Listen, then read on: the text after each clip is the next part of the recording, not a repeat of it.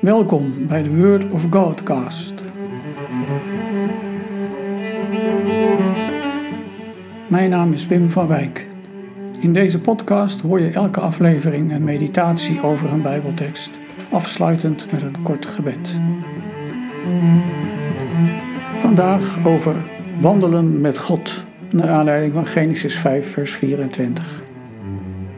Een meisje komt uit school en haar moeder vraagt hoe het was. Enthousiast vertelt ze dat hij juf een mooi verhaal verteld heeft. Er was een man die wandelde met God. En ze wandelden samen, maar door en door. Ze gingen steeds verder. Onderweg praten ze met elkaar over van alles en nog wat. Zo kwamen ze steeds verder tot ze bij de hemel aankwamen. Toen zei God tegen Henoch: Nou je hier toch bent, kun je hier net zo goed blijven. Een mooie hervertelling van wat we lezen in Genesis 5, vers 24. Henoch leefde in nauwe verbondenheid met God. Aan zijn leven kwam een einde doordat God hem wegnam. En twee versen eerder werd het ook al genoemd. Henoch leefde in nauwe verbondenheid met God. Nauwe verbondenheid kun je ook weergeven met wandelen. En dat is niet een wandeling van A naar B, maar meer rondwandelen, ronddwalen, rondstruinen. Zoals je in een tuin of een park kunt ronddwalen. Een stukje lopen, dan weer even stilstaan, een paar woorden wisselen met elkaar, genieten van alles wat je ziet. Bijzonder is het om hier te lezen over iemand die zich nauw met God verbonden weet. Het doorbreekt de opsomming in Genesis 5.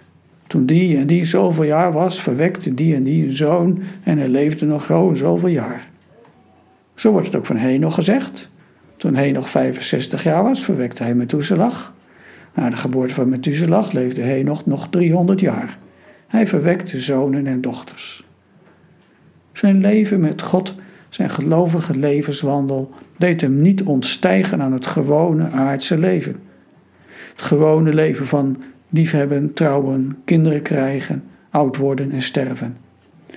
Al die gewone menselijke dingen beleefde hij in zijn band met God. Om met God te leven, met God te wandelen, hoefde hij zich niet terug te trekken uit het alledaagse. Hoefde hij zich niet af te sluiten om ergens in een woestijn te gaan wonen.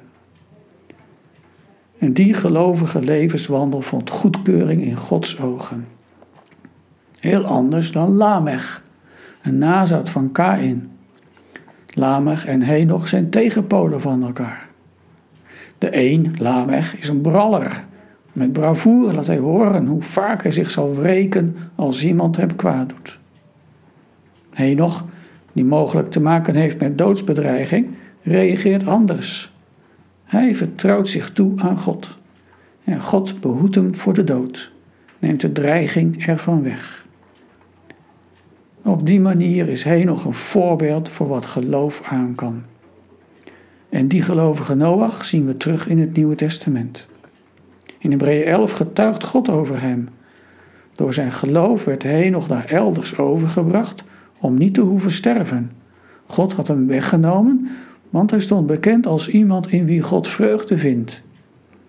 En, vervolgt Hebreeën 11 dan, zonder geloof is het onmogelijk God vreugde te geven. Wie hem wil naderen, moet immers geloven dat hij bestaat en wie hem zoekt zal door hem worden beloond. Want als dat gebeurt, dan komt er iets terug van het paradijs, van paradijselijk leven. Dat is niet een leven in lui land, maar wandelen met God. God zocht de mens op in het paradijs om met hem te wandelen. Bij Henoch komt dat een klein beetje terug. Bij Noach en bij Abraham komt dat terug als je over hen leest hoe zij met God leven. Dat zoekt de Heer ook vandaag bij ons, bij jou en mij. God wil vreugde vinden in de manier waarop jij met Hem leeft. Ik nodig je uit om na te denken over hoe jouw leven met God eruit ziet.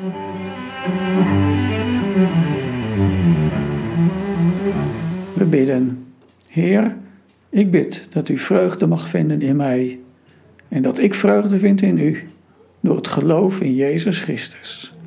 Amen.